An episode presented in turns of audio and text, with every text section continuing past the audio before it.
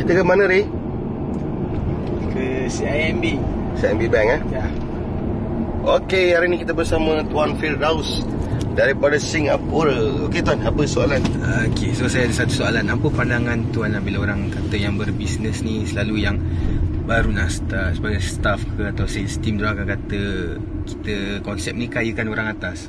Kaya ke orang atas. Hmm. Okey. So selalu staff lah, staff, a team. Okey guys. So thank you pada soalan ni Apa sebenarnya konsep mengkayakan orang atas Okey guys sebenarnya Tidak ada konsep kayakan orang atas Okey So okey Tuan Firdaus sebenarnya kerja apa?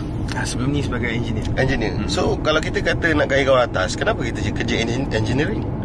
Betul tak? Ha. Bukankah kita sedang mengkayakan owner syarikat tu? Ah. Ada orang kerja 7E Kalau dia rasa dia kayakan orang yang uh, owner 7E tu Kenapa dia tak buka 7E sendiri?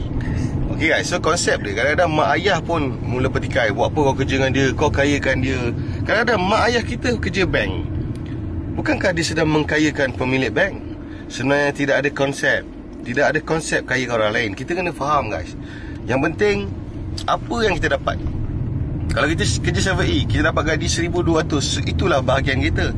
So konsep dia Kita kena betulkan pemikiran Jangan kira rezeki orang lain Kan Allah sebut dalam Quran Jika kamu bersyukur Aku tambah nikmat. Jika kamu kufur Azabku amatlah pedih.